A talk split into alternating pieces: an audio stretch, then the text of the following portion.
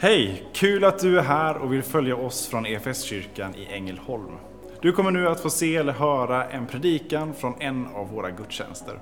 Har du några frågor eller vill veta mer om oss som kyrka så kan du alltid gå in på www.efskyrkan.info. Vill du ha tillgång till mer undervisning eller ta del av våra inspelade konferenser eller gudstjänster gå gärna in på vår Play-kanal, efskyrkan.tv. Nu ska vi lyssna på denna veckas predikan. I eh, Svenska kyrkans kyrkår är temat för den här söndagen Jesus förhärligad. Och vi ska börja med att be att Jesus ska bli förhärligad. Jesus, tack för att eh, du eh, sitter på tronen, har makten över allt, att du har uppstått och att du kommer komma tillbaka en dag. Och att du också vill ge oss glimtar ibland, glimtar ibland av din härlighet. Att vi får eh, se hur fantastisk du är. Och vi ber att idag ska du bli förhärligad här. Eh, be att du ska få träda fram, att du heligande ska måla Jesus för våra ögon. Ehm, du ska ge var och en här inne vad vi behöver höra i, i predikan, i lovsången, i, i bönen, i eh, bara att vara inför ditt ansikte den här söndagen. Att du ska befria dem som bär på bördor och att du ska eh, peka på dig själv, att vi får fästa blicken på dig. Vi har så mycket annat vi har tittat på nu under veckan. Eh, men nu vill vi också bara lyfta blicken mot dig och be att du ska göra ditt verk den här söndagen. Förvandla oss och gör oss till dem du vill att vi ska bli så att vi också kan reflektera dig här. I Jesu namn. Amen.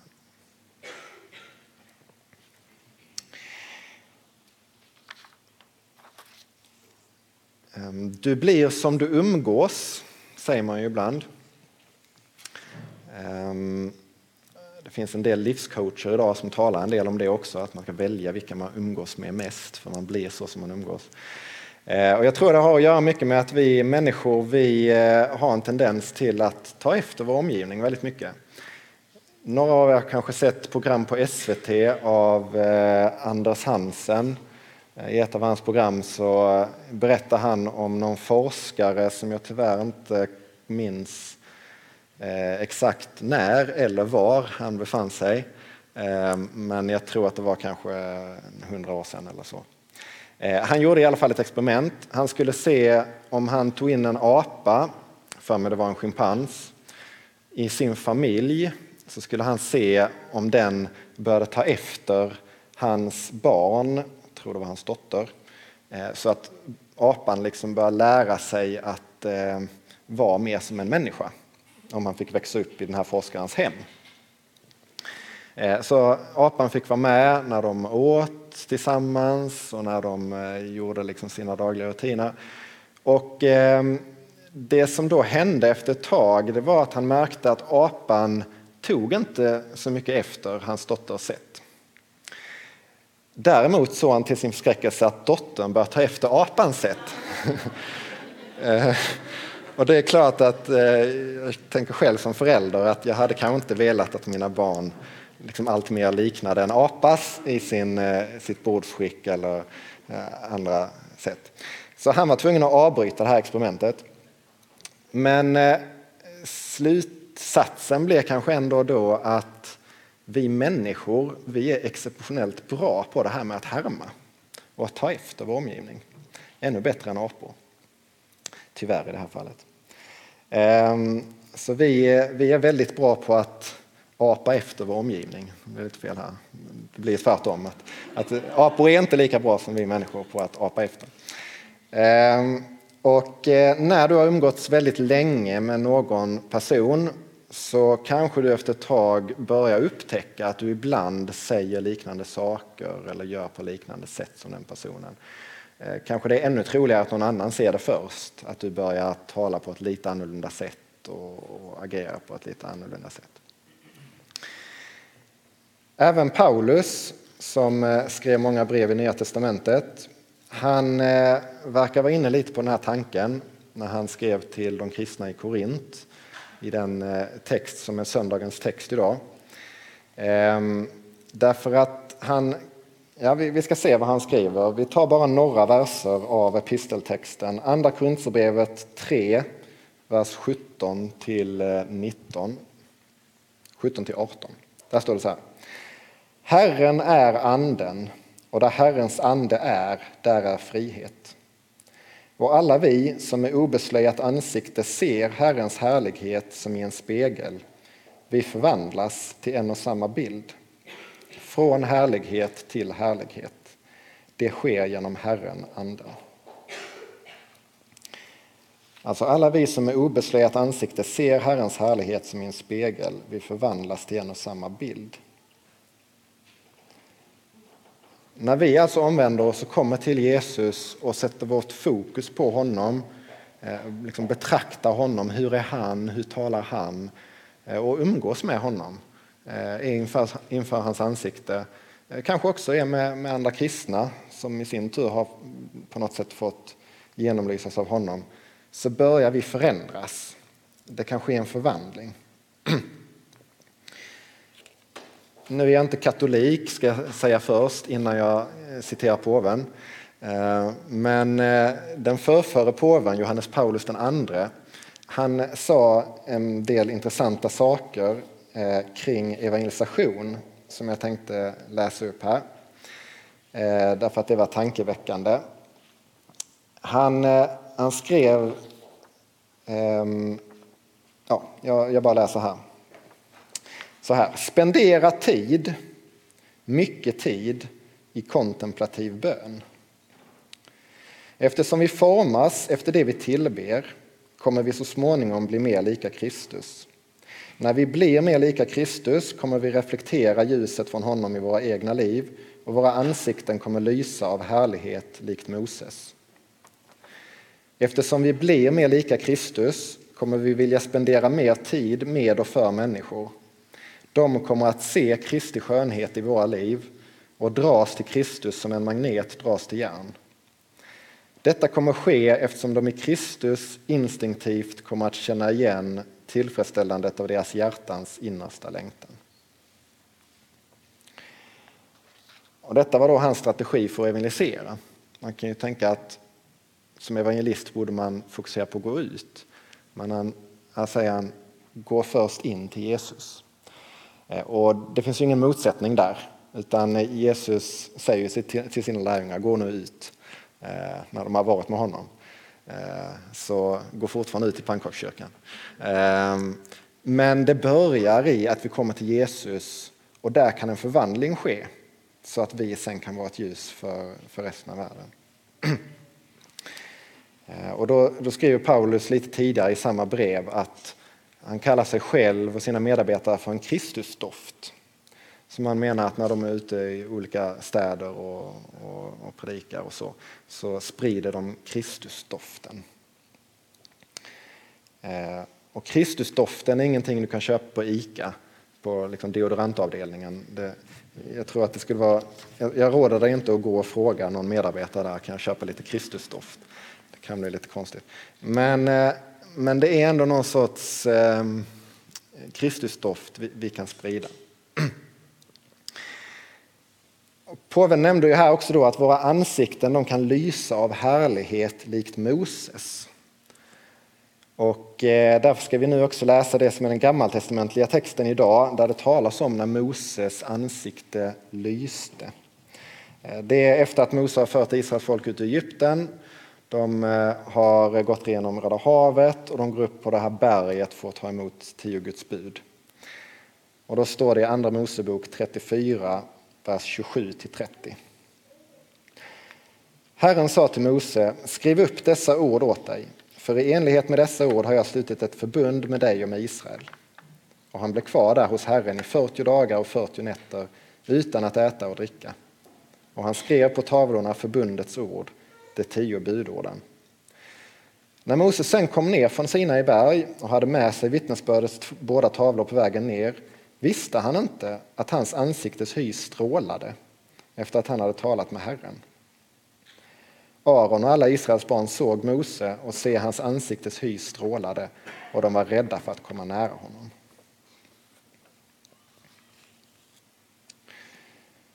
Om ni går till en medeltida kyrka idag så skulle det kunna hända att ni ser någon målning där Mose har horn. Jag kan säga här ett exempel Eh, på en kyrka, eh, eller en kyrkmålning som jag tror är medeltida i alla fall. Om den kommer upp.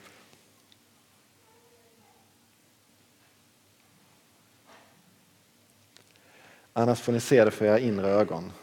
Eh, Tänk er att ni ser en, en kyrkmålning i en medeltida kyrka och där ser ni Mose avbildad och så har han horn. Där kom den kanske. Eh, och det ser ju lite märkligt ut, tycker jag i alla fall. Såvida det inte är någon sorts eh, Narnia-version liksom av något mytologiskt väsen. Ehm, men eh, anledningen till detta är att den bibeltext vi nyss läste, den skrevs ursprungligen på hebreiska och ordet för stråla, karan, är väldigt likt det för horn, karan.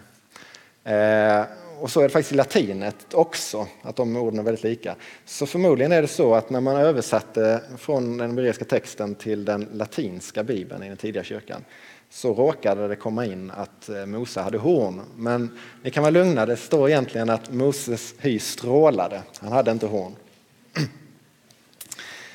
Och så vet ni det också när ni blir förvirrade i nästa kyrkobesök. Men några andra iakttagelser vi kan göra i den här texten är att dels den här hyn strålade ju efter att han hade varit med Herren. Han hade varit där i 40 dagar.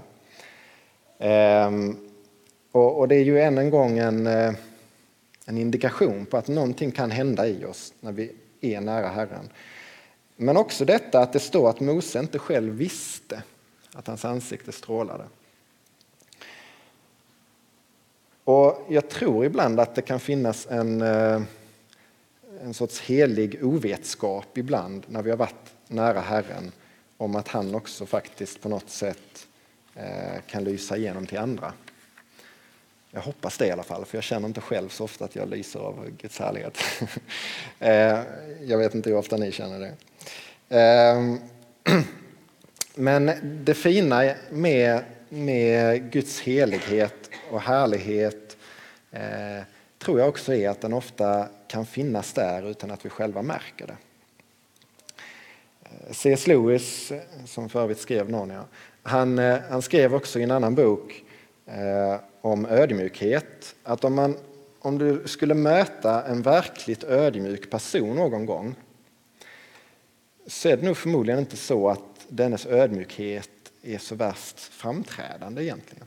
Alltså du skulle kunna möta en person som, eh, som går och säger åh, jag är så, så hemsk och dålig och förfärlig och liten och, och, och går du före och gör allting för jag, jag är ingenting. Och, och då skulle ju en sån person ge intrycket av att vara rätt ödmjuk. Eh, men det kan snarare vara att den är en väldigt självupptagen person som är så inne i hur dålig den är. Eh, vilket egentligen inte är så ödmjukt heller, för om Gud säger att vi är Eh, härliga i honom och hans avbilder, då är det ju snarare lite högmodigt att gå emot vad Gud har sagt och trycka ner sig själv. Eh, så ödmjukheten kanske egentligen inte är så framträdande alltid. När du möter en verkligt ödmjuk person kanske det snarare är så att, att du inte tänker så mycket på att den är ödmjuk. Eh, därför att det finns någonting heligt i, i självförglömmelsen också, där, där jag kanske inte, vi ska pröva oss själva, men när vi märks av Jesus, då är det kanske snarare Jesus vi tänker på, snarare än vår egen helgelse eller sådär. Så om du, om du går runt och tänker väldigt mycket så här, och det är väldigt för jag är ödmjuk, då är det kanske inte helt säkert att du är det. Men eh, ibland möter man ju människor som, jag vet inte vad er erfarenhet är, men, men jag minns särskilt ett tillfälle när jag bodde i Uppsala och jag mötte ett par som eh, eh, jag inte lärde känna så mycket, men, men jag minns hur jag på något sätt tyckte att ja, men det verkar finnas en sån helighet och sån renhet i dem. Och det sporrade någonting, så här, ja, men jag vill också ha mer av Jesus. Eh, och och det tror jag inte var något de gick och tänkte på själva, oh vad vi strålar av Jesus. Eh, men det är någonting eh, väldigt attraktivt i heligheten, i renheten, eh, som kan göra att vi också själva eh, ser vårt eget behov efter mer av Guds härlighet. Ehm, kanske är det så att vi, vi med Gud i Edens lustgård, Adam och Eva, ägde en, den här härligheten som vi nu hela tiden längtar efter att återfå, den förlorade härligheten som vi gick miste om eh, när vi vände Gud ryggen. Men som Gud vill ge oss glimtar av, glimtar av på nytt. Ehm, på en alfakurs träffade jag en gång en kvinna som eh, sa att hon tyckte att när hon, efter att hon hade blivit kristen så upplevde hon bara mer och mer att hon kände att hon var mycket sämre än vad hon tyckte innan. Eh, och då kan vi tycka att ja, det är kanske inte så bra om du blir kristen så ska väl någonting bra hända. Men jag tänkte att kanske var det så att när hon blev kristen och fick mer ny som Jesus då framträdde ju också allt det där eländet lite tydligare. För det blir ju ofta så när vi kommer nära en helig Gud så, så blir alla de där eh, misslyckandena vi har kanske ännu tydligare på ett vis. Men då kan också längtan bli större efter att bli mer, eh, mer lik Jesus, efter att få mer av Jesus.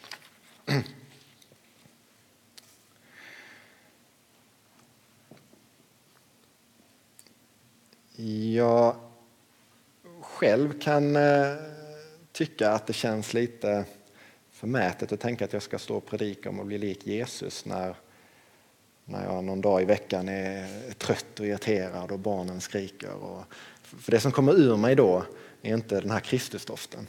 Jag vet inte om, om ni känner igen er, kanske inte behöver vara med barn men i en annan situation. Att det är inte alltid man känner sådär att oj det är väldigt vad det doftar Kristus kring mig. Eh, därför tycker jag det är lite uppmuntrande att se eh, kontexten kring eh, dagens evangelietext när Jesus på ett särskilt, särskilt Eh, Eh, sätt eh, förhärligas. Därför att eh, strax innan det bibelställe som vi snart ska läsa utspelar sig kan man läsa i Markusevangeliet hur Petrus han proklamerar och bekänner att, att Jesus är Messias. Och Jesus han säger då till Petrus att du kan skatta dig lycklig Petrus som har fått den här insikten för det är inte något du själv har kommit på, du har fått det genom en gudomlig uppenbarelse från Fadern i himlen. Ehm, och nu eh, går jag lite utanför bibelmaterialet här och bara spekulerar. Men jag tänker mig ibland att kanske var det så att när Petrus fick höra detta så blev han först ödmjukt glad och tacksam. Liksom, Åh, vad härligt, tack att Fadern har fått uppenbara detta för mig, att Jesus är Messias. Så tänker jag också, det skulle kunna vara så att han när han gick och la sig sen på kvällen började tänka lite så ja, ah, det var väldigt, vilken connection jag har med Gud. Alltså. Han och jag är så tajta.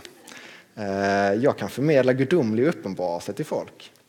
Ehm, för lite senare, så ganska direkt efter, så står det om hur, hur eh, Jesus börjar berätta för lärjungarna att han ska gå till Jerusalem och där ska han bli dödad. Och då kommer Petrus.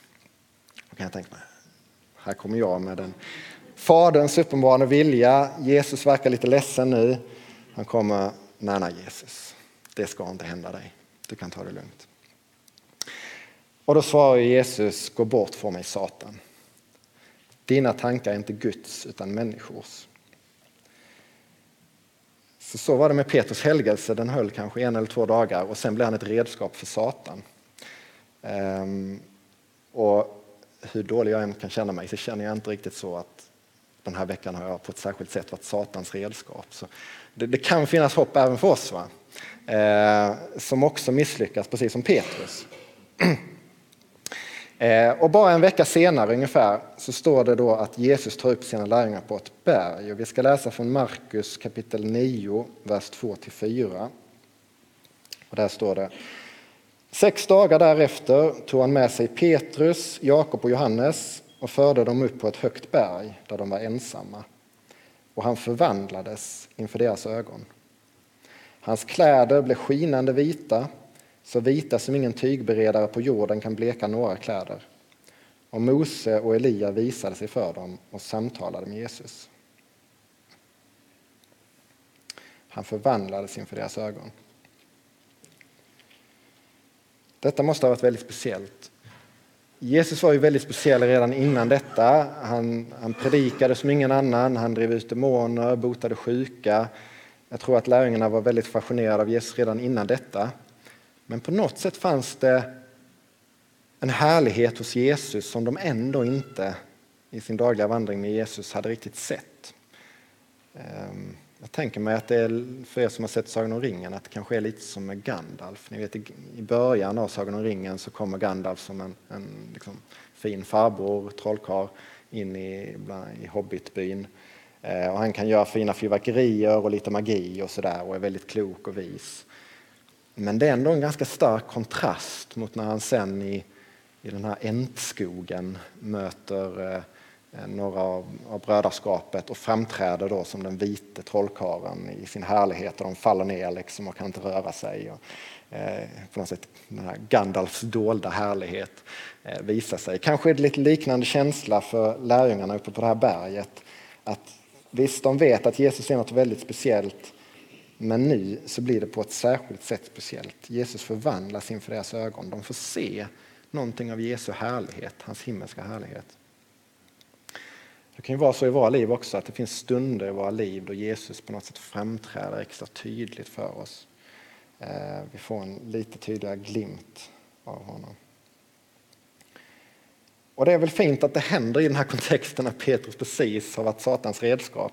Eh, att även om, om din eh, resa med Jesus inte är helt spikrak, den går också lite så upp och ner säkert, så kunde Jesus komma in och bli förhärligad mitt i det.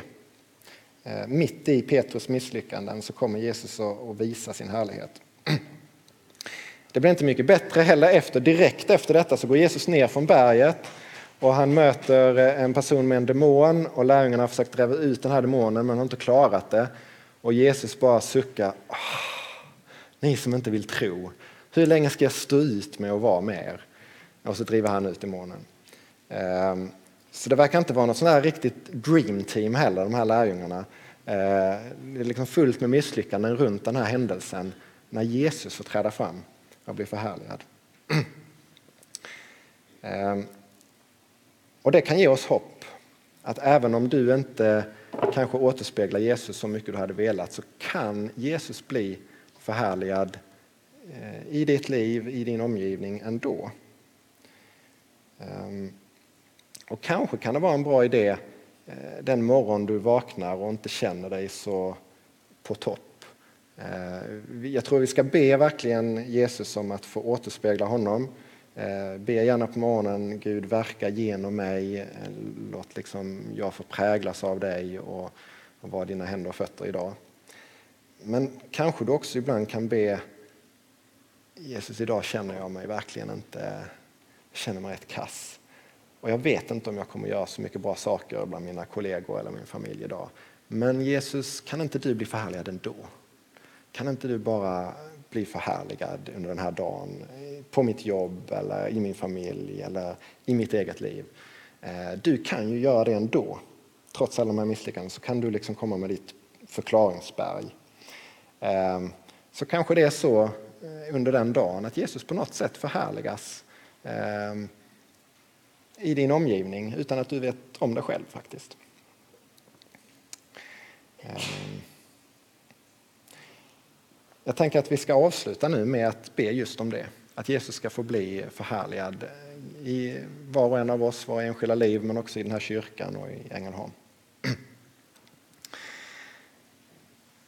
Tack Gud för att du eh, vill förhärliga Jesus.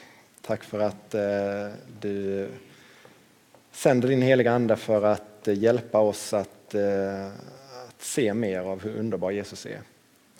Tack för att vi har fått se eh, någon glimt av det. Vi har börjat ana någonting om, om hur fantastisk du är Jesus.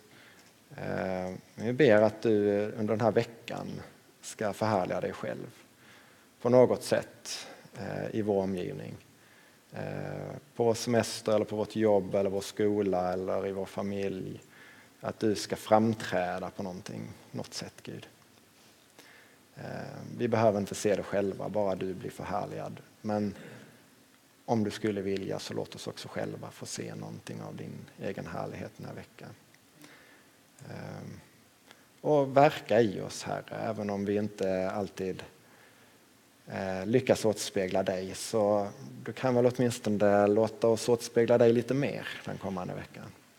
Ehm, Rensa och, och, och verka i oss så att vi på något sätt kan få förmedla någonting av dig till människor i vår närhet.